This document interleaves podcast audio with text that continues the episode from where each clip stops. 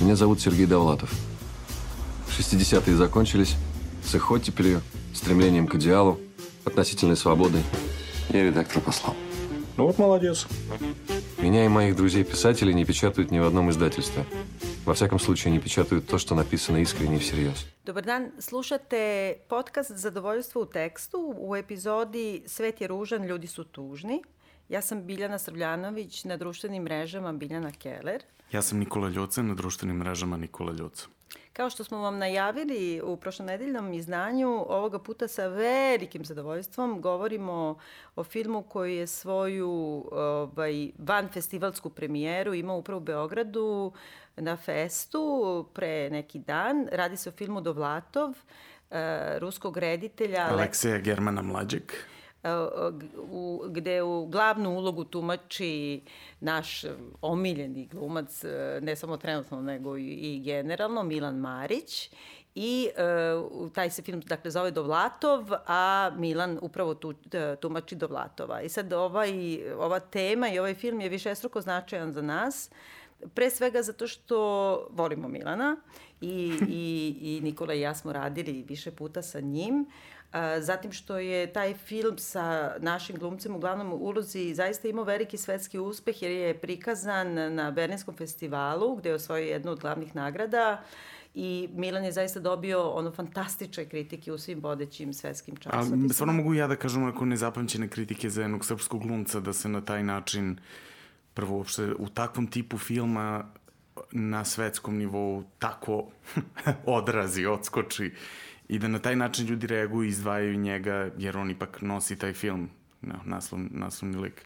Dakle, nije u pitanju neki e, komercijalan film ili neka tema koja komunicira sa najširom publikom i tim pre je zaista veliki uspeh e, što su kritike tako pozitivne i što sve apostrofiraju Milana. Uh, A s druge strane, zato što je film na neki način biografski ili parabiografski i zapravo radi se o životu i literaturi Sergeja Dovlatova, mog omiljenog pisca, Da, a to je režirao jedan od mojih omiljenih reditelja, što evo stvarno onako jedna dobra koincidencija i, i povod da ovako pričamo. E sad, e, ova naša epizoda neće biti ona klasična gde ćemo da govorimo samo o filmu i to nekim vrednostnim sudovima ili analiza kritička i tako dalje, nego bismo želeli da govorimo i o filmu i o Dovlatovljevoj literaturi, a i o glumi e, Milana Marića, odnosno možda i celoj toj novoj generaciji glumaca koji su na neki način uh, možda nedovoljno poznati ili čak i zapostavljeni pre svega u našim pozorištima, a zatim čak i na filmu.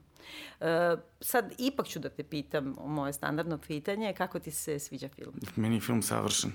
Meni je film savršen, ja sam ga gledao evo sad već tri puta i neverovatno je, on je toliko gust, toliko emotivan, toliko je vizualno uzbudljiv, emotivno uzbudljiv, iako je na trenutke jako težak, ima neku lakoću kojom te vodi i nešto što je onako baš izvučeno iz stila jel, tvog omiljenog pisca o kome se radi.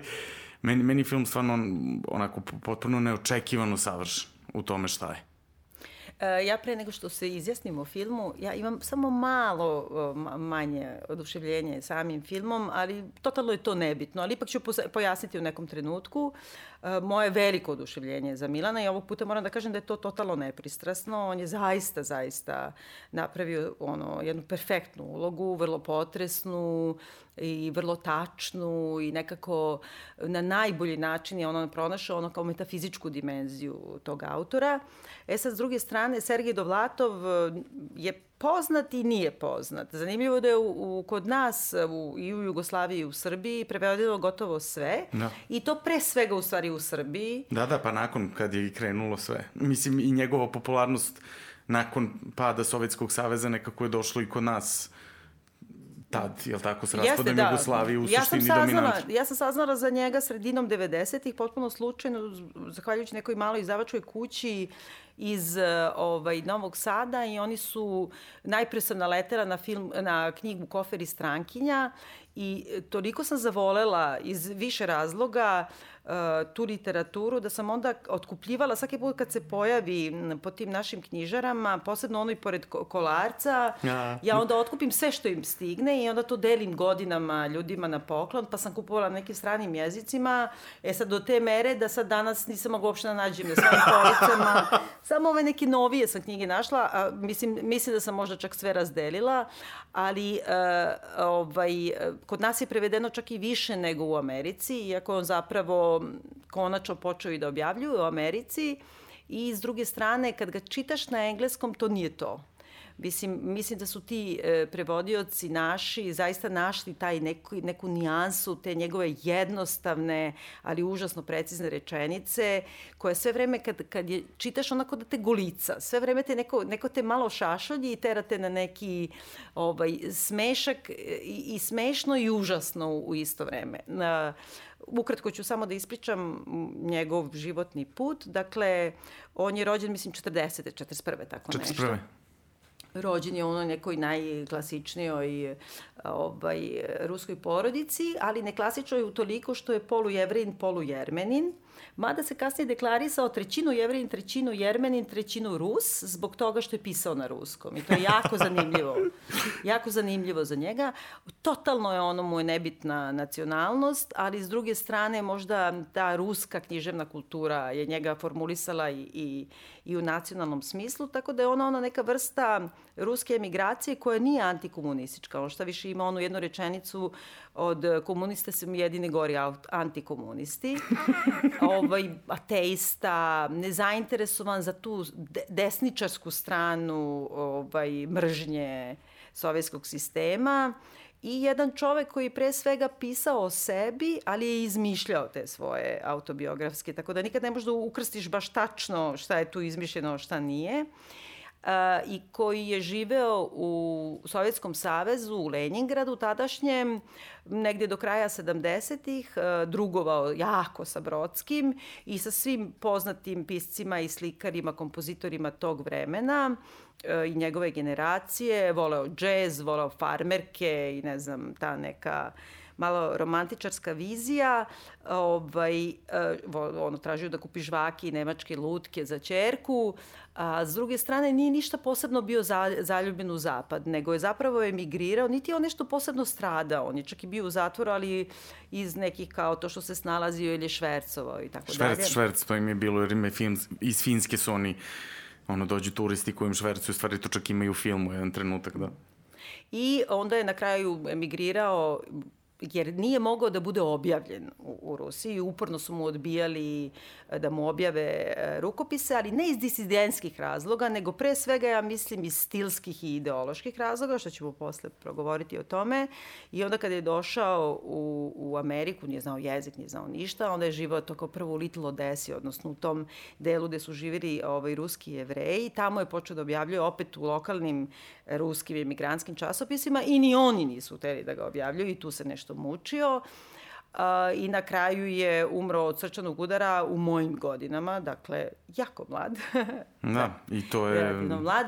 A to da... uništava u njegovoj ono, sudbini, u njegovom životu, taj podatak onako te porazite i zapravo nikad ni, video, nije se suočio sa tom svojom ogromnom popularnošću. On je u Rusiji dan danas jedan od naj, naj, najpopularnijih pisaca, objavljen u milionima primeraka. Ali doslovce u milionima, to kad se kaže to stvarno tamo, on je popularan pisac. To nije sad kao on je veliki pisac. Da, on je i veliki pisac, ali pre svega je popularan jako. I, to. I zanimljivo je, ja mislim, za tu vrstu literature što ona potpuno drugačiji pogled na emigraciju, uh, pogotovo tu neku primoranu emigraciju i od, ne znam, Solženicina i od Brodskog, mada je bio, dakle, jako, jako dobar prijatelj sa Brodskim. Uh, on je imao nekakvu drugu, drugu, drugu drugačiju sudbinu, on je jurio tu, tu svoju želju da bude pisac, da bude objavljivan i jedini način da to uradi je bilo da ode odatle i da proba negde drugde. I utoliko je ta njegova sudbina kako kažem, i običnija i tragičnija. Možda da je bio proganjan uh, kao antikomunista, možda bi bio ranije popularan, možda kao bi kao Brodski. Da. Pa mislim, više Solženjicin, on čak negde ima, ima trenutaka kada on i proziva e, Solženjicina u nekim svojim tekstovima i tako, neko na neki duhovit način, to koliko je on iskoristio to sve i koliko on, mislim, ipak ne može se porediti Solženjicin, jeste bio u gulazima, ali, ali taj njegov ton, kako se on prodavao posle po zapadu i koliko je on to, način na koji je to radio je Sergij Dovlatov znao onako da potkači duhovito, inteligentno. Da, i pogotovo te tako desničarsku viziju da, da, sveta. Pa to. Uh, mislim da je značajno i toliko što je Solženicin bio antisemita, a Dovlatov, dakle, jevrejin, i to čak ima u filmu nekako onako ovlašno taj, jeste, da, jeste. do, dotačenju se tog ruskog antisemitizma. E sad samo da završim ovu priču, meni je on značajan za, za formiranje mog poetskog izraza, veoma značajan. I to je jedan od, ne znam, 10-15 pisaca koje ja sam se stalno vraćala, imam čak neke njegove rečenice koje sam stavljala u neke svoje drame. Ovaj, kao što, na primjer, dva puta sam u drame stavila citat iz strankinje kad ova jedna kao koja je bila zaljubljena u nekog kao pop zvezdu sovjetsku kao Đorđe Marjanović i kao nešto, a on je bio oženjen, maltetirao ovo ono i onda kada ona nešto emigrira konačno pa se sretnu posle, ne znam, 5-6 godina, njoj srce udara i sad kao samo to želi u životu da bude sa njim i onda kad se konačno sretnu i gledaju se, ona kaže, Isuse, pa ti si čiča. to, je, to je tako nekako to, naš, to je tipično za Dovlatova i on je meni tako nekako najviše nalik na literaturu, na primjer, našeg Bore Ćosića ili Iljifa i Petrova. Mm -hmm. Singira takođe, vrlo često, pogotovo u Americi, kao govore on nije romanopisac, nego je on humorista. Zato što, da. dobro, to je američko već viđenje, ovaj, ali jedan veoma, veoma ozbiljan pisac, a koji tako piše lako i lapidarno i ti sad misliš to je samo nažvrljano i to nema veze, um, ali izuzetan stilista, sa, sa to nekom rečenicom koja je kratka i ubitačna i koja je uvek, i to je za mene u stvari bilo ključno, autoironična. Ta, taj odnos prema sebi, da sebe spustiš najniže i da to bude smešno, ne patetično, to je ono što, što mene ono do suza dovede kad čitam Dovlatova. Ja mislim da to postoji u filmu. Vrlo. I to Milan nosi svojom pojavom. To je sad nešto što mi koji ga znamo ovako privatno možemo... On, on ima privatno u svom humoru dosta sličnosti sa tim. Tako da njemu je, mislim, njemu je Dovlatov bio otkriće u tom smislu kad je pozvan jel, da igra, ali onda kako je to počeo da čita i kako je to krenuo da otkriva ta identifikacija koju on imao emotivnu, mnogo je lepo da se na taj način ti dobiješ tako veliku ulogu, tako veliku osobu, da te, da te na taj način se povežeš sa tim. Da ne, da ne moraš ti da praviš neku abstraktnu sliku toga šta je. I ta istinitost u tome je posebna. Mislim, Aleksi German je stvarno neverovatnu stvar uradio time što je otvorio casting za celu Evropu i Izrael i sve. Znači, oni su gledali svuda, oni hteo da je to neko količi na Dovlatova. Znači, prvo fizički da mora da nosi to, to nešto što je on imao. On je bio visok, on, on imao ogromne Brodski ramena. Brodski kaže da liči na Omara Šarifa. I na Omara Šarifa, da. Pa to, to, to, da ima tako te neke crne oči, ne, svi su se zaljubljivali u njega, on je bio i to kao i šarmer i cijela ta neka fizička pojava njegova je jako bitna za to šta je on i kako su njega tretirali. I onda je na, naša glumica koja živi u Rusiji i tamo radi, uh, koja je drugarica sa Lexin Germanom, se setila, ja sam u Beogradu u predstavi Glad, gledala jednog dečka koji liči na Dovlatovi, koji je jako dobar, ali on je dosta mlad. Ali kao, trebalo bi njega. I eto, u tom stiže poziv od nje, pa od tog agenta, ajde ti se fotkaj. I sad se to fotkanje dešava u mom stanu, Maja Radošević i ja ga fotkamo, neke crno-bele portrete. iPhone-om, znači na tom nivou je hitno. I sad mi to pošaljemo ništa dve, tri nedelje. Stiže, stiže novi poziv ali, ali sad, ovako jedan, jedan detalj. Sad, ja sam navikao da komuniciram u Evropi sa, uh, sa ne znam, holandskim, francuskim, nemačkim uh, ljudima iz filma i uh, njihova komunikacija koja uvek jako pozitivna, uljudna, čak malo onako podignuto vesela, vrlo i ne, neformalna i zezatorska. Ruski mailovi koji stižu od tog ruskog agenta, to je nešto najsmešnije na svetu što postoji, jer to je toliko hladno. Milan Zarez, learn these lines from Uncle Vanja. Mm -hmm nema baj, nema ništa, uh -huh. ne, nema novih radova, samo tako, samo šalje informaciju. Znači, mail je onako pa, ko dobro, telegram. To je, to je možda i ograničeno znanje engleskog. ne, ne, moguće, ali sve, sve vreme je tako i to je mnogo duhovito. I, I sve vreme on ima utisak da on to radi polu uzalud, da, da je to tako neko zezanje nečije, ja, on, on nema, ne veruje da to... I onda sad snimamo isto, opet kao, to kao snimam ga ja telefonom, njegov casting, nekoliko verzija monologa iz ujkavanje i to se šalje. I onda u stvari stiže taj glavni nekako da ga zovu tamo da on ima casting koji traje 9 sati u punom kostimu, pod šminkom, u scenografiji, sa dve kamere, u Lenfilm studijima, sa sve glumcima drugim koji su podeljeni velikim, koji to ne zna ruski, on radi casting na srpskom, a oni mu pričaju na ruskom. To je potpuno sumanuta situacija i koja traje 9 sati, ko on, on, on bio izbezumljen, on više nije znao ni ko je ni gde je kad se vratio. I onda je stigao taj savršeni mail, Milan, you're confirmed for part of Dovlatov. Tako su, Tačno, tako full su ga obavili. Genijalno. Tako da tako je to išlo i onda on počeo da uči ruski i da se sprema. I sad tu je bila euforija, ja kad je on meni rekao, jel ti znaš za Alekseja Germana, on je meni bio veliko otkriće Aleksej German mlađi, pošto Ima je oca otac koji, da. Aleksija Germana, mlađeg Aleksej German, je u stvari bio prijatelj sa Dovlatovom. I on je bio jedan od reditelja koji su bili bunkerisani u Sovjetskom savezu, koji isto stekao slavu tek nakon raspada Sovjetskog saveza. On je svoj veliki magnum opus koji je snimao nekoliko godina, teško je biti bog, po braći Strugacki. On to čak nije uspio da završi, on je umro pred kraj snimanja, pa je njegov sin završavao taj film i tu se, to je jedno sumanuto, ludačko remek delo. Prika, prikazano je kod nas bilo na autorskom ili na festu, sad ne mogu se setim. Znam da je bilo u bioskopima. Aleksi German je prikazivan kod nas, njegovi filmovi, mislim, na sina. I ja se sećam kad se mene, dok sam studirao, otkrio taj njegov, otkrio, mislim, film je dobio uh, Srebrnu glavu u Veneciji, Bumažni soldat, Papirni vojnik po, on, po onoj pesmi. O, Buleta Okudžavi. Da, Buleta Okudžava, jeste, jeste, po tom čuvenom šlageru, ako je to šlager, ne, Pa ne, jeste, to je, ja bih rekla da.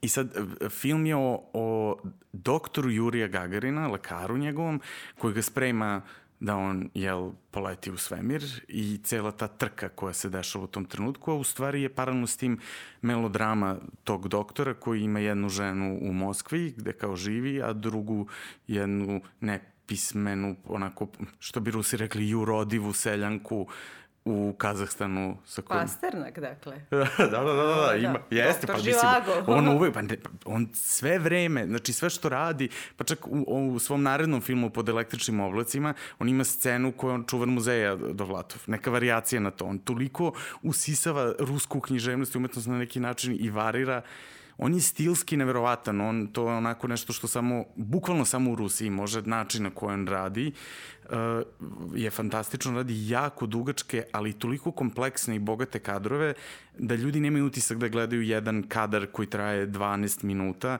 jer šta se tu sve dešava, način na koji on to vodi i kako, kako to teče, koliko je to živo, to je nešto što on stvarno ostavlja bez teksta. On je navikao, on već, on glumce uopšte njega ne zanima da li su glumci iz Rusije ili nisu, njemu je gruzijac jedan koji stvari odrastao u Austriji, znači ne zna ni, ni gruzijski čak kako treba. E, Merab Ninidze, on je njemu igrao u, u, u dva filma ovaj, i on ga je nekako napravio zvezdom. Isto tako vrlo, vrlo, vrlo, vrlo zanimljiv lik, vrlo netipičan ko, onako za ruski, za savremeni ruski film. Jer niti to sad onako ona ruska patetika, emotivna, pravoslavna mistika, niti ova trash komercijala, a opet ne pripada ni ovoj nekoj poludisidentskoj liniji. On, on isto tako potpuno nek, neka svoja priča kako on to gura, živi u San Petersburgu, radi to, cenjen je, nije mega popularan, ali opet je jako cenjen. I svaki film mu je dobio neku nagradu veću, znači on, ali nikad nije dobio ono zlatnog glava ili zlatnog medveda, uvek je dobio neka srebra, nešto to. I kao tu je negde, a, nikako da, da odskoči, a u stvari evo sad se ispostavlja da mu je Dovlatov najveći hit.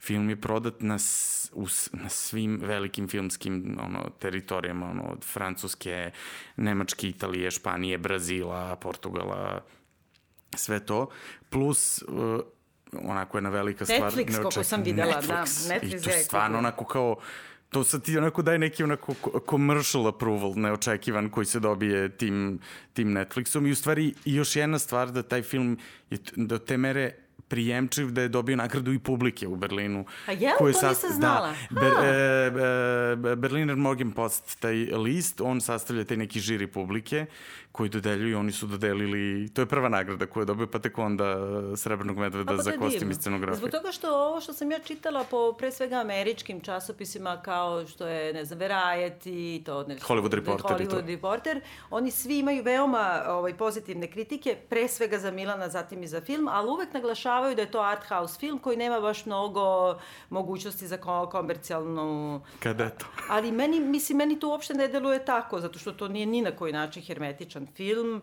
Mislim, potpuno je, ne, ne, ne, ne vidim. e, Jedino u čemu vidim je, a čini mi se da on to uvek koristi u svojim filmovima, e, da je kompletno nasinhronizovan. Pa tu Da. ipak postoji taj neki, mada opet kod, kod Amera baš oni znaju Ni, ali on to radi i to je isto jedan princip kod Rusa koji postoji, Sokurov isto to radi. Oni od nule prave zvuk, sve glumci koji su sami sebe posle nacihronizuju, on stvara jednu vrstu snolike atmosfere time, jed, jedan potpuno zvučna slika koja, koja se pravi na neki način da svi planovi mogu u isto vreme da se čuju podjednako bez obzira na to šta se dešava u kadru.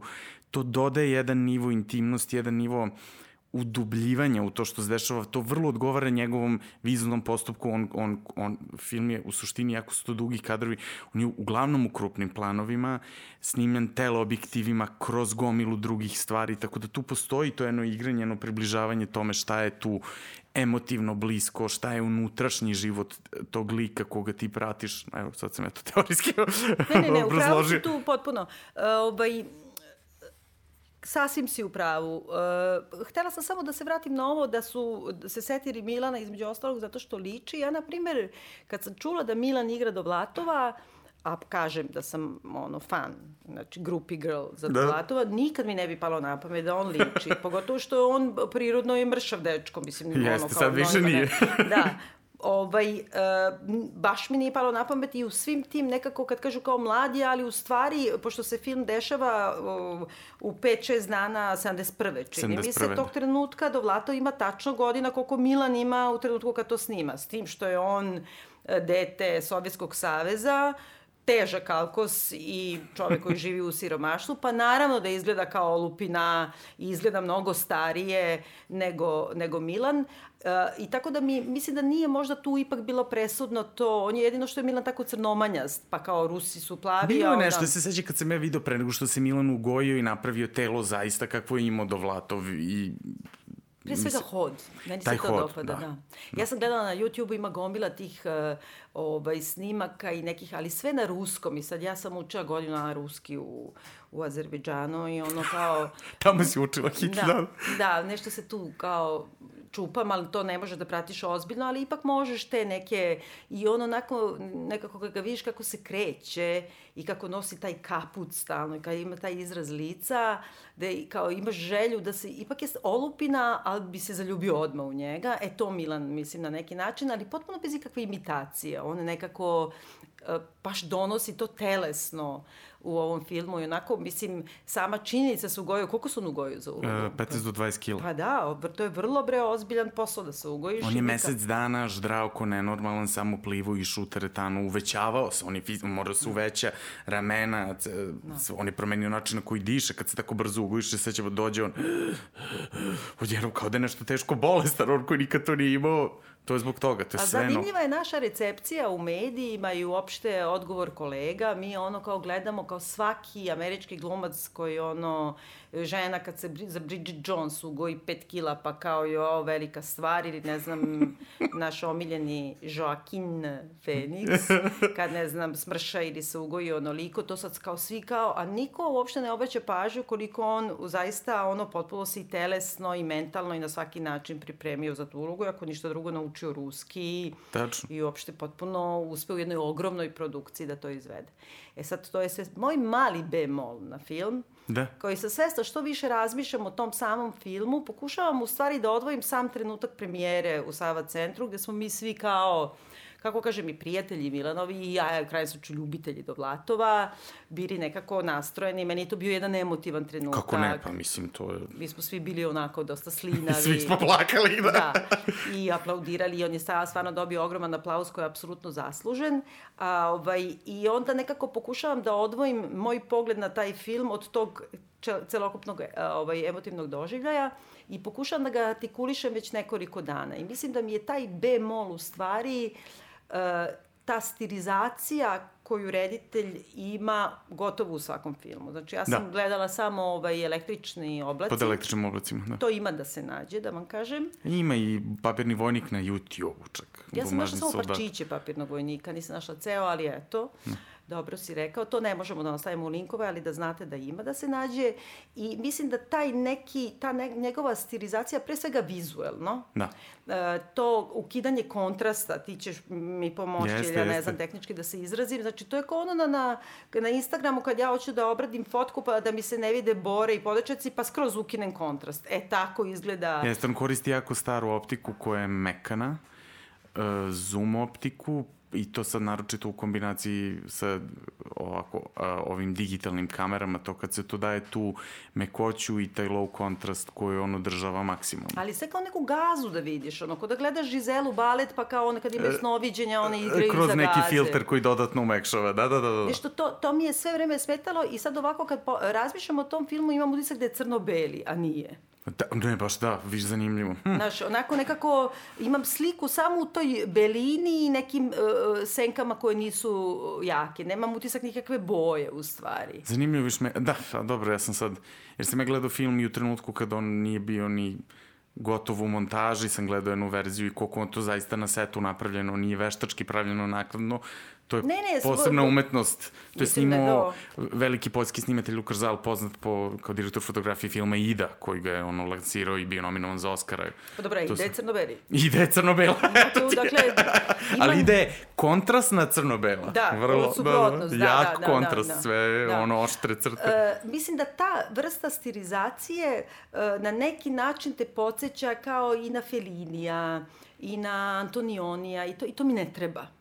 Ali vidiš super što si to rekla, on obožava Fellini i Antonionija, on, evo je to s nam sa snimanja, reditelj. Oni su u pauzama gledali inserte. Oni stalno Milanu pokazivao Marčela Mastrojanija. Uh mhm, -huh. pa da. Milana da. su na setu svi zvali Mastrojani. Da, da. To je bio njegov nadimak, on, on je njima ličio na Mastrojanija. Naj, jedan od najboljih mogućih komplimerata koji glumac može da ima. Ja mislim da ga tako ozbiljna ekipa u tako velikoj kinematografiji kad dođe uh, jel, mlad glumac iz Srbije, te zovu Mastrojani, meni, meni to bilo fantastično. Oni, su, oni stalno, stalno puštaju Antonionija i Felinija.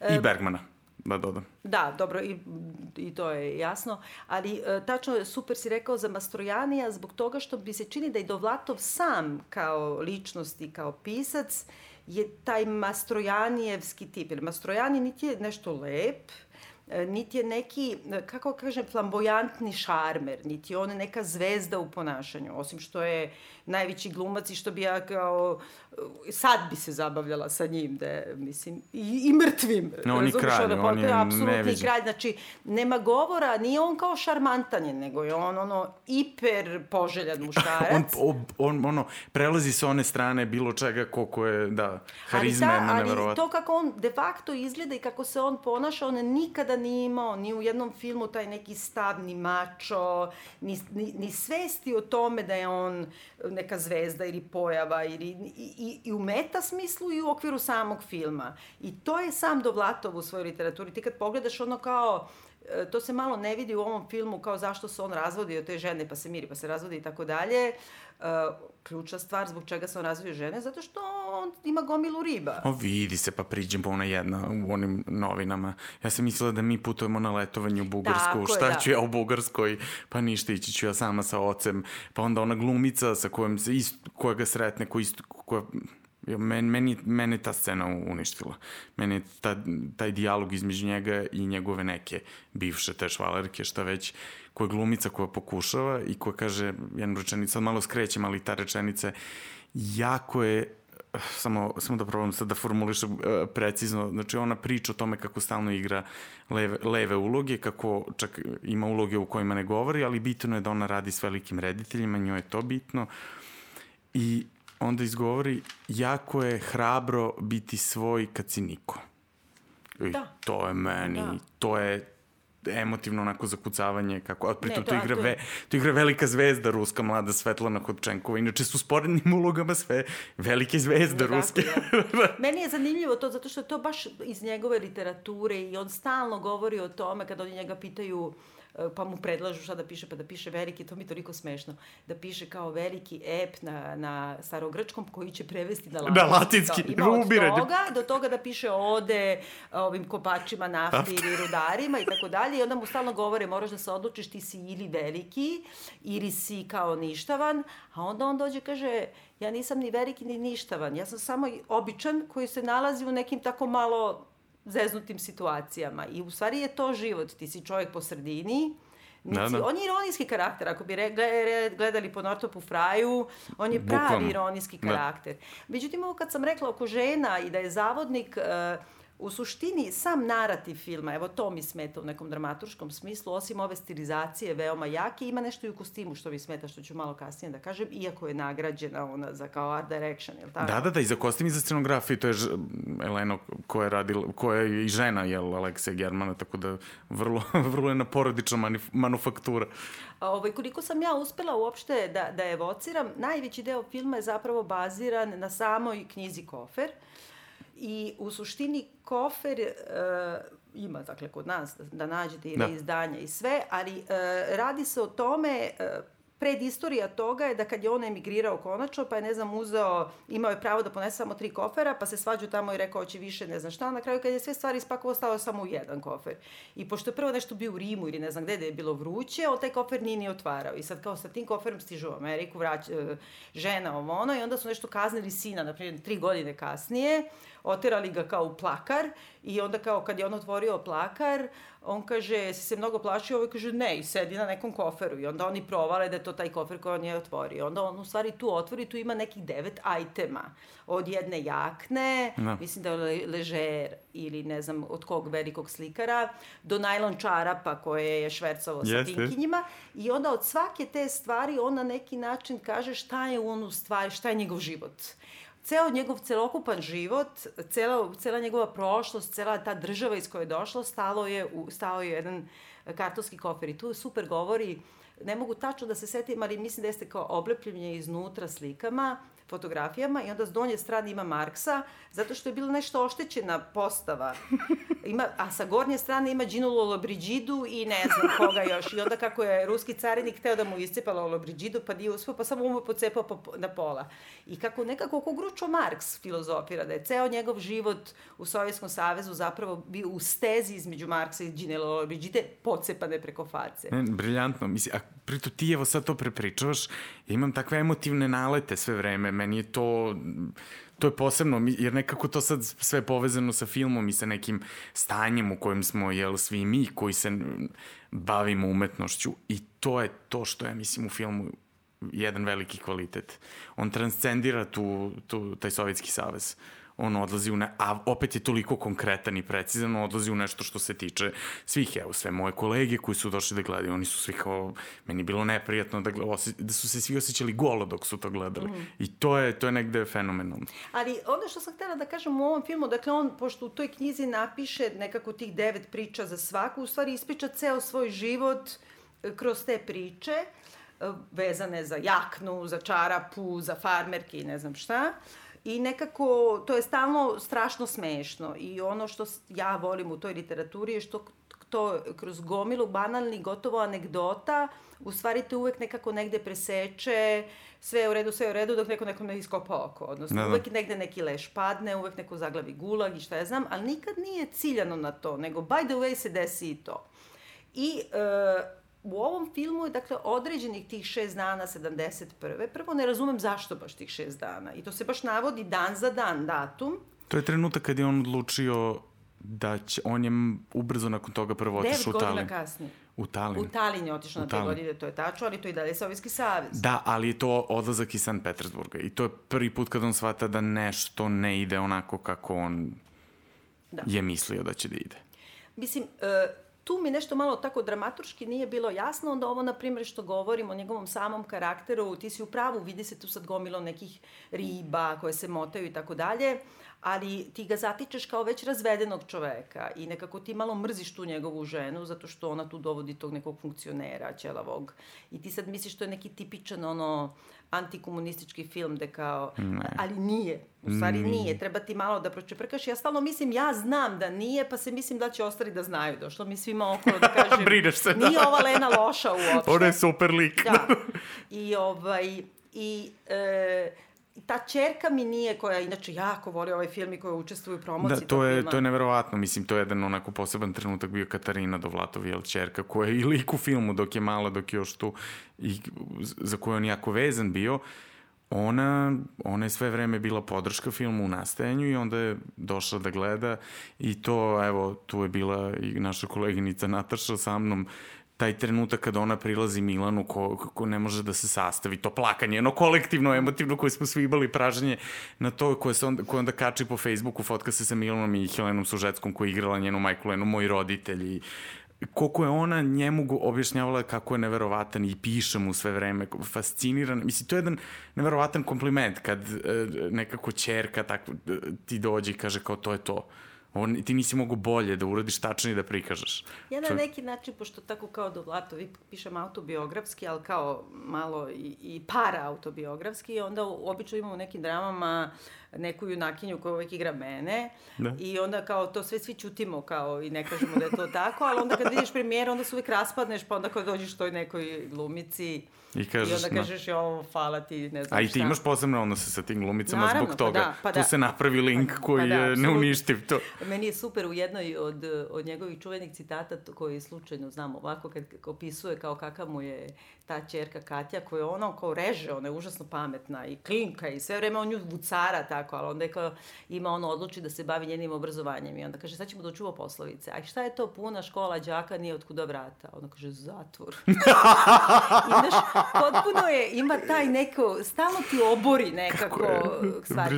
I super je rekao Brodski isto u tom nekom kao polu nekrologu njemu da je on između Čehova i Harmsa. No. Da, Da. To baš liči. I u filmu mi je najdirljivija, ta, to se ne osjeća toliko u njegovoj literaturi, ali u suštini biografski ti vidiš da je to tačno taj, ta ljubav između Brodskog i njega. I to su dve potpuno različite vrste emigranta. Brodskog ipak jure da ga uhapse, smatraju ga disidentom, opet zbog literature. Da. Uh, I on sve vreme kako je to dobar odlazak Brodskog iz filma, kad izlazi da. iz filma, kad kaže a sam za sebi ide ovako i govori, ne mogu da odem, neću moći da se vratim, ne mogu da odem. I to ti vraća u stvari svima nama tu temu mm. koju smo bili hiljadu puta otići ili ostati. Nekako naš, koja gotovo podsvesno te drži i onda da oni ipak umru u, u emigraciji, jedan i drugi, da je Brodski u Veneciji, sa, ja si išla da vidim grob. da, on je u Veneciji, da, da, neverovatno. Mislim, Brodski jeste dobio i Nobelovu nagradu i to je drugo, i on ima tu neku uh, on je osetio svoju slavu negde, a Dovlatov baš ništa nije video i to je nekako, to u filmu jako zanimljivo prikazano, u stvari kroz natpise koji su tako dobro iskorišćeni, ja nikad nisam vidio tako zanimljivo iskorišćene natpise, one kao biografske šta se dešava slikom, koji su vrlo slobodno, vrlo poetično i zakucavaju i potpuno u ritmu filma. To je jedan isto onako poseban moment koji meni, koji meni onako čista briljantnost rediteljska sitnica, šta je natpis, na, kako ti da plasiraš informaciju, a da to ne bude klasično, da to nije ono biopic i TV film, a da i dalje opet kažeš nešto samo tako kao informaciju tekstualnu, ne, ne znam, meni je... E, od mojih zamerki filmu koji, moram da kažem da su stvarno u ono, iz one najgluplje pozicije u kojoj nikad ne treba da budete, to je ja bi to ovako. A ti bi, pa dobro, a ti si toliko vezana za Dovlatama, naravno da, da ti imaš hiljadu takvih stvari da kažeš. Meni samo nedostaje taj njegov humor i to što on zove, to su u filmu, on sam kaže, to je super kao definicija, pita ga jedna od onih šta je to ironija. Da. A on kaže, e, ironija je metafora na dole. Metafora na, na, na dole. dole. I kaže, imaš e, ovaj, metaforu na gore, to znači, i onda kaže primjer ovako, njene se ispravi su... me, kaže, njene oči su kao plava jezera, da. a na dole njene, njene oči su naglo kočenje. odmah. I sad ti odmah po tome što smo mi takvi, da. pomislimo da je zrikava, buljava, razumeš? Sve, ali s druge strane može da bude, jo, kao, kao, kakve divne oči, ali nekako znaš da je to do Vlatova i ona je sigurno zrikava. Znači, nešto joj tu fali. I ta vrsta humora koju on stalno ima i koji je autoironičan, koji sebe gleda s, ti, s tim, nedovoljno mi, presuptilan mi je. Mislim da možda nekako do ljudi nije izbio. Jer tu postoji nekoliko tragičnih trenutaka. Prvo, on je u životu, kad je služio vojni rok, bio vojnik čuvar u gulagu. Da. Znači, on je gledao svojim očima mučenje i tako dalje. I nije ni, ni to njega obeležilo to sad kao da on u tome piše, nego on, on ima noćne more oko toga, ali njegove noćne more su da se šeta plažom, ko kod Bergmana svet hoda plažom, ovde da. hoda Brežnjev i Castro da, i super je što Castro i pre, ima prevodioca u snu. Jesi provalio? Da, da, ima jedan da mu šapuće. Mora kao da objasni sebi dramaturški kako ga je Castro razumeo. I sad oni tu nešto raspravljaju, ali onda ima jedan trenutak koji je očigledno ovaj doživeo. A to je kao u nekom gulagu, čuje se pucanje da. u daljini i svi nešto trče negde, znači neki zatvorenik je ubijen. I taj neki njegov šok nekako mi je, eh, kako da kažem, ne, ne, od, ne odtraje. Uh, u, u, sečenje vena jednog od pisaca, uh, pogibija švercera, ni zbog čega. Nekako uh, nije pripremljeno smešnim, smešnim, smešnim da bi bilo i neko nekom iskopao. Hm, da, a vidiš, meni se to donekle i dopada, zato što to ne potpada pod to uh, crnilo Sovjetskog saveza i način na koji se to prikazuje. Šta je meni kod te scenografije fantastično je to što tu nigde nema propagandnog plakata. Uh mhm. -huh.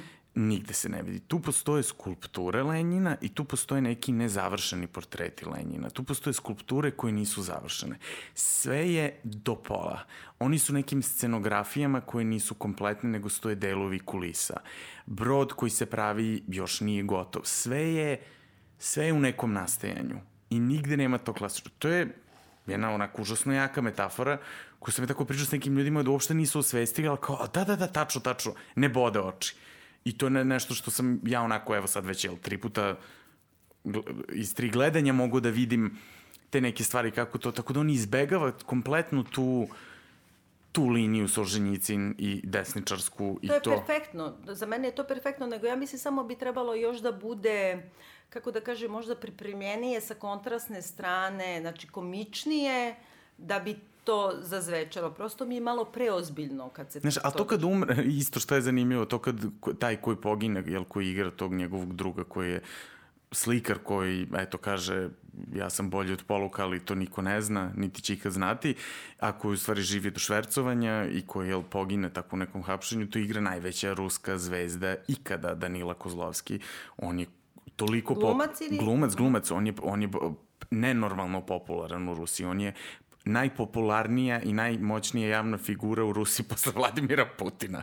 Ja? Da, da, tako ga tretiraju, on ide sa telohraniteljima, on, on, on ima poseban tretman svuda gde ide zbog te svoje popularnosti. Tako da ja mislim da to na jednom metafilmskom nivou mm -hmm. isto nešto znači. Komunicira što... sa ruskom publikom, da. da. Šta to što on gine na taj način? Tu je super, na primjer, to, to je tipičan Dovlatov kad on govori tako kao on je švercer, sitan i od toga mora da živi, ali zato što ne može da izlaže isto kao što Dovlatov ne može da objavljuje, jer nisu članovi zvaničnog uh, udruženja slikara, pisaca i tako dalje. Da, sovjetskih I, da, pisaca. umetnika, da. I onda kao on kaže ja sam bolji od Poloka ili od Rotka, već da. koga kaže, ali onda pokaže taj portret, brate, nisi. I to je super. Nisi, to je super. I ovaj njemu kaže, hoće ti dam ovo, to će možda da vredi jednog dana nešto. Ovaj ne uzme, jer nisi bolji.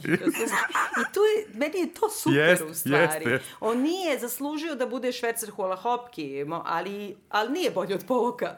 Tako da, to je meni dobro zato što tu nema neke priče o tome, oni su genijalci svi. Dobro je, mislim, u tim literarnim salonima kako oni svi pljuju Brodskog. Kao i uopšte... Nepodnošljivim da. je. Da. Ali meni, meni super isto taj moment kako on re, recituje, način na koji on ima taj jedan vrlo impostiran govor, kako on govori svoju poeziju, tako isto Neruda. Isto ima da. film o Nerudi gde on potpuno identičan, to su svi ti snimci koji postoje Nerude, na isti način govori, to je vrlo je, et, jedan link kao između Brodskog i Nerude, isto možda postoji na neki način i politički i to šta su oni bili Ali pre nego što se još malo zadržimo na scenografiji koja je meni takođe genijalna, samo sam htela da te pitam nešto što sam pročitala po nekim tim inostranim novinama, a to je da kao oni vide u ovom filmu neku metaforu kritike Putina. Jel ti to vidiš u nekom smislu kao represije prema slobodnim umetnicima? Mislim, ja nisam poznavalac uopšte ruske, ni političke, ni, ni kulturne scene, ali ja nešto to ne osjećam uopšte. Nije to na taj način, ali on nigde ne plakatira ništa. Mm -hmm. On, to je neka opomena široko shvaćena. Koliko je to precizno Sovjetski savez, toliko je to možda bude sad ovaj trenutak u Srbiji, možda bude ovaj trenutak u Rusiji, isto tako, on on ne ide na to, on ne igra isto kao Brodski, kao Dovlatov, on se trudi da nema banalno ostrašćivanje na jedan način taj film je finansiran i od državnih para da. i, i od državnog kanala. Znači, ipak na takvu temu on postoji i vrlo jasno on nema, on nema te probleme koje ima, na primjer, Zvjegincev. Ali Zvjegincev sebi je napravio probleme i napravio negdje i karijeru sad na tim problemima, kogod on isto bio odličan reditelj. Ali. German je bolji, po mojom mišljenju, uzbudljiviji, neobičniji, luđi. Ima, ima nešto kod njega što je stvarno onako što će se mnogo više ceniti, ja mislim, za kad prođu godine i to. Mm -hmm. E sad, što se scenografije tiče, malo pre kad sam kritikovala kostim, objasnit ću zašto, ovaj, s druge strane, e, autorka i kostima i scenografije dobila i za jedno i za drugo, dakle, da. ovaj, srebrno, srebrni medved. Srebrni medved, da. Ovaj, e, za mene je scenografija kao i tebi apsolutno genijalna i ona je više od scenografije, ona je bukvalno jedno konceptualno umetničko delo. Jer su to da, da. stvarno prostori koji su potpuno neodređeni, ali i jesu određeni. To jeste zajednički stan ili kancelarija, redakcija književnog častopisa ili neka e, fabrička kancelarija hmm. ili kopanje metroa, ali s druge strane, to su stvarno ono, odjednom se kao iš, raširi kamera, pa ti sad vidiš da je to neki ogroman prostor sa nekom gomilom nekih skalamerija, koji de facto ni ne zna šta su, ali da, da. koje čine to u stvari jednim potpuno umetničkim prostorom koji je daleko od realizma. I jako, jako mi se dopada ovaj, scenografija. S druge strane, kostim, kada je počeo film, meni je bilo super zato što oni nisu uopšte ono kliše obučeni, da ti kažeš jao, jadni Rusi. To, to, to, da, ne. 70, nego su svi obučeni kao hipsteri danas. Apsolutno. Znači, i izgledaju kao u Berlinu, tako ljudi odu, yes, kao yes. kupe za skupe pare, da se obuku tako. I te su boje, i materijali su, znači, to su neki kaputi, rolki i tako dalje. Znači, nema ništa... Čak i kožne jakne, one tako stresama, da. mislim... Ali sam primetila jednu malu nedoslednost doslednost, jedno vreme uh, niko ne menja kostim, on ne menja do kraja filma, on je sve vreme u toj jednoj košulji i to ide uz njegov karakter, on spava no. Da. tako u tom kaputu pa se digne. Pa ima i ono kad se zeza, čekam veš mašinu, da. još tri godine ću da čekam, ništa nisam opravo 69. Ali neki promene, a neki ne, stalno su isto obučeni i uh, za mene kostim je previše modan. Eto, ima previše aha, aksesuara. da, da, aha. Uh, delovo bi mi kao kada bi bio, znači, sada neki editorijal u before after. Sad ja više ni ne znam. Znaš, kapiram da kad bi naši hipsteri iz ono Sava Male sad naši neku radnju gde se to kupuje, oni bi razvalili ono i kupili sve da to obuku. Nijedan kostim nije pohaban, nije prljav. Znači, s jedne strane mi se dopada to što to nije nikakav jad i beda i to je ono što ti kao si objašnjavao i 90-ih ljudima koji dođu u Srbiju i kako ne. te vide da sad jedemo ono jagode i pijemo proseko. Mislim, ne ovo baš šampanja, sad imamo proseko i nekako kao imam ono super neke cipele. Znači, nismo mi nikakvi jadnici što se vučemo ono bučeni u kartonske kese. A, I to je super, ali s druge strane... Kartonske kese. Pa znaš one, kartonske znaš, kese? kartonske kese su one eko kese. Znači, a, eko kese, a, kao, do, aha, znaš, dobro, dobro. kao, ne znam, kako se zove, Macy's ili ne znam. Aha, znam. dobro, dobro. Ovaj, kako se zove, e, nekako su mi preterano do u detalja, do perlice, do ogrlice, do ponča, e, mnogo su mi plemeniti materijali, e, sve to zajedno imam utisak, vidim da je neko kao da je oblačio malo za neki editorijal. To, eto, to mi u kostimu smeta. Meni Ta nije, meni, meni, se, meni se to uklapa u sve to taj, to kako su oni obučeni u kontri sa tim prostorima u kojima su i uopšte koja je to ideja kako se to onako negde podigne, nema onih one bordo crvene nema, plakatske, nema boja, nema to, gotovo da, da. uopšte, sve su neke te tako sepijaste isprane, ali sve su stvari, stvarno bi razne neke te stvari, ja prva koja nisam uopšte za tu hipster vintage modu, pa bi uzela pa bi obukla. E, Dobro, to je sve nebitna zamerka, to je pitanje mog ukusa. Ali uh, htela sam, što se tiče scenografije, da naglasim samo još jednu stvar, a to je, nedavno sam gledala izložbu ovaj, Ilje Kabakova u Tejtu, u Tejt uh -huh. Modernu, I, mislim, on je zapravo generacija ovaj, Dovlatova, samo što on je emigrirao malo kasnije od njih. On je, za razliku od Dovlatova i Brodskog i ostalih, pristao da bude član zvaničnog udruženja slikara, odnosno ilustrator, da bi mogao da radi ovo svoje što je Svoje radio. Ludilo, da. I on je zapravo začetnik konceptualne umetnosti u svetu, a pogotovo verovatno prvi najveći ovaj, ruski konceptualista. I e, ta njegova izložba u, u Tejtu je fenomenalna, stvarno, ali ima da se pogleda dobrim delom e, na netu, tako da ćemo vam staviti linkove. Zanimljivo je to da on potpuno rekonstruiše prostore zajedničkih stanova ili gajbe njegove mame aha, ili aha. tako. I sad, na primjer, ima taj čuveni rad koji je meni potpuno kao da je izašao iz ovog filma, samo u bojama, koji se zove uh, uh, A Man Who Flew into a Space from His Apartment on je radio u Americi, zato mu se na, na, na engleskom zovu, da nema, ne zna engleski uopšte, na engleskom zovu. Znači, čovek koji je odleteo u svemir iz svog stana. I sad to je jedan prostor veliki, jedan deo tog zajedničkog stana u kome i živi uh -huh. Dovlatov, ono kao u svakoj sobi yes, jedna porodica i uh, u kome je živeo i on, Kabakov sam. I sad ti vidiš jedan od radova, ti viriš stalno kroz neke kao malo uh, ili šper ploče ili nešto. Sad su te scene potpuno, uh, te sobe su potpuno rekonstruisane. Aha. Sad ta glavna soba je u stvari u gomili nekih plakata po zidovima, hiljadu nekih sitnica koje on koristio sam da pravi te svoje instalacije. Pa je onda napravio u stvari taj njegov men, kako ga je zamislio taj karakter, napravio je mašinu koristeći hozentregere, mini katapult, kajševe, tegove, običaj ovo i ono, kojim se kao zategao i toliko je jačinu napravio da je mogo da probije plafon od tog i ti sad vidiš gore i probijem plafon od tih šperova i gipsa, stoji i on je iz toga izletao gore u svemir i u stvari pobegao iz tog zajedničkog da. stana, iz te Rusije i svega. I deo te instalacije, on je to zaista i radio Kabakov, on je skupljao beskorisne, besmislene objekte koji su ljudi bacali. Kamen, dugme, žvaku, mrvu, bilo šta. I onda je svaku čistio Ja mislim da je pola toga fake, ali nema veze. I onda im je pravi ono kao muzejski eksponat, tačno, korektno i sve. I onda ih kače da vise sa plafona na nekim nevidljivim nitima i ti sad ulaziš u taj prostor. To je kao što je Devlatov, to, on, je, on je ono što zovu na, na američkoj hearsay historija, oralna his, da, historija da, da. u stvari.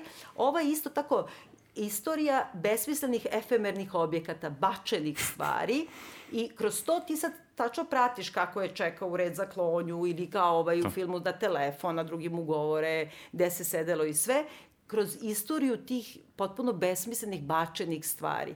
I taj prostor njegov, pogledajte to na netu, to je bukvalno ovaj, dovlatao, mada nigde nisam znala da su drugovali. Da, niti, da, niti se Nisam spominje. Nisam našla da. to.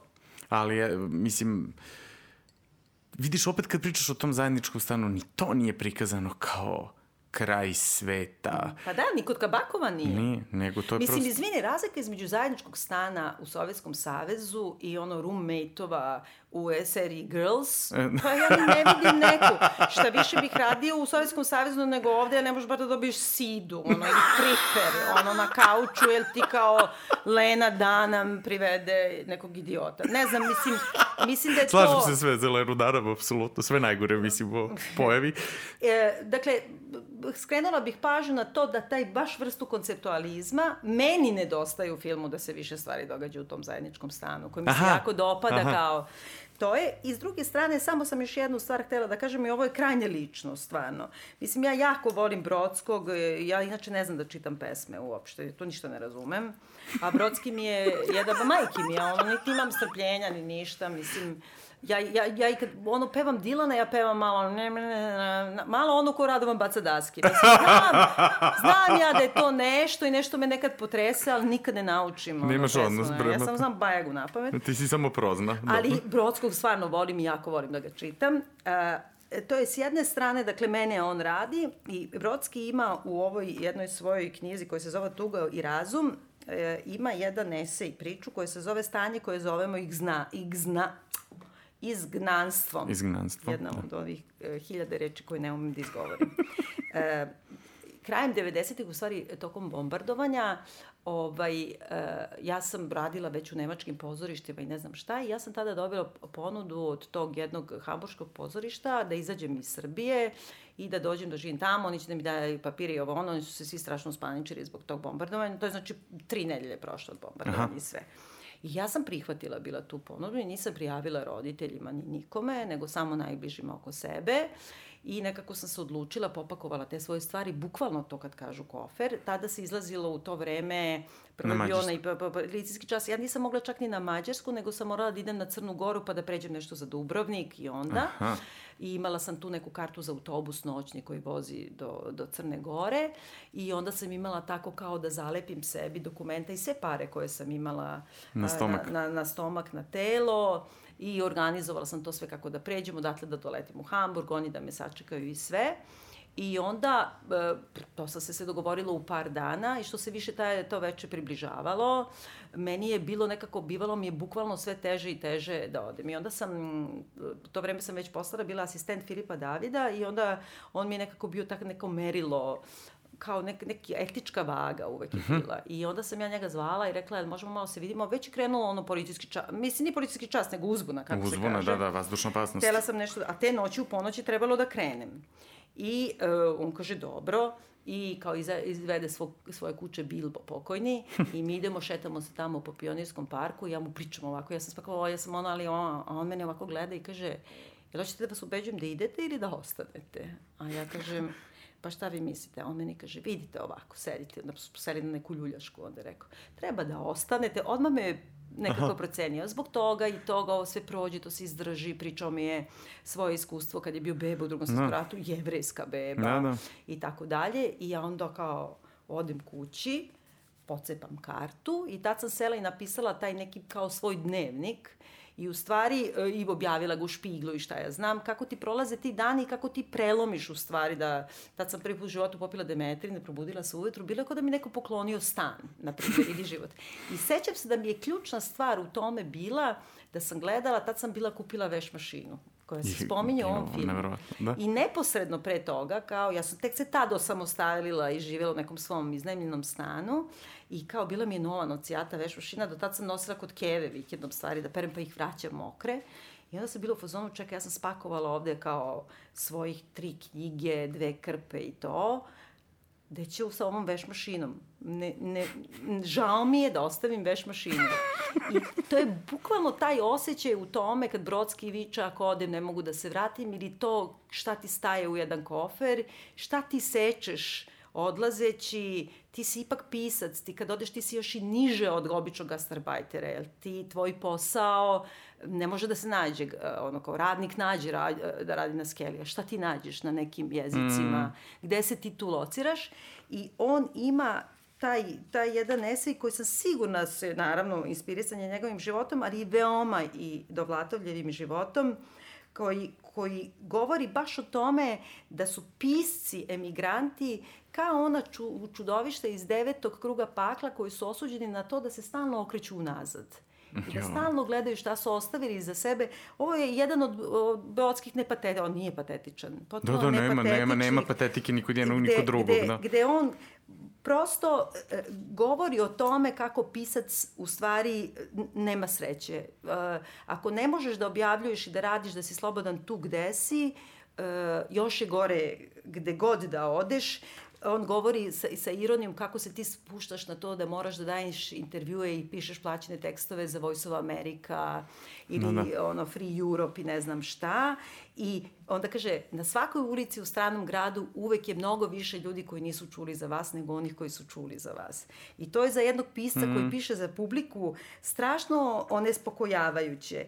I onda kaže, ovo mi je ključno bilo i to je baš za Dovlatova važno, kaže, E, pomisao na iznanstvo možda nije najbolji termin kojim se opisuje položaj pisca prinuđenog od straha zbog države, od straha e, drugačijeg i siromaštva iz dosade da napusti svoju zemlju.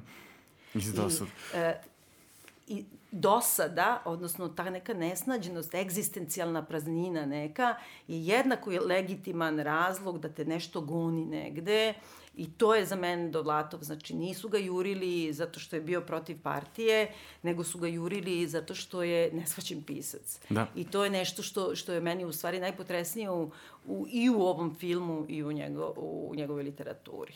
Ja smo izdržali da se ne zaplačemo. Kaži još nešto lepo o Milanu. On je otišao pravo sa ovoga na avion u Moskvu da. na tamošnju premijeru. Evo, sad je otišao i u San Petersburg i na isti način kako je reagovala evropska štampa, oni su se plašili ako ipak kako će ruska da reaguje. Oni su morali da kriju do već do pola snimanja ko igra do Vlatova. To je bilo veliko pitanje, to je bila velika tema da se Zato snima film o to. Zato što je stranac pride, nije poznat, nije sad dovedena neka zvezda, nisu sad doveli ne znam kog, američkog Gerard glumca. Depardieu, da, da, da, da, da, Jake Gyllenhaala da igra do Vlatova. Mislim, nego, eto, prosto su našli mladog glumca iz Srbije koji ni ovde nije na tom nivou i sad, i sad postaje jel, svetska zvezda načina koji oni tamo reaguje i e, euforičan. Znači... I on je to zaslužio stvarno. Uh, film počinje da se daje kod nas u bioskopima u aprilu. Da. Biće i, velika premijera. Da, i bit će još svašta će se nešto desiti i na jesen. Doći će reditelj, bit će retrospektiva njegovih filmova.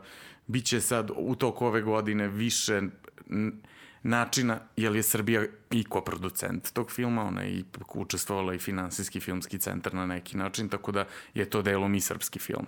A, umeđu vremenu, dok čekate ovaj film, a, preporučujemo dakle, da čitate do Vlatova. Apsolutno, sve, šta, šta god. Samo da pogledate sam... starije film, filmove, odnosno prošle filmove koje... Germanove. Germanove.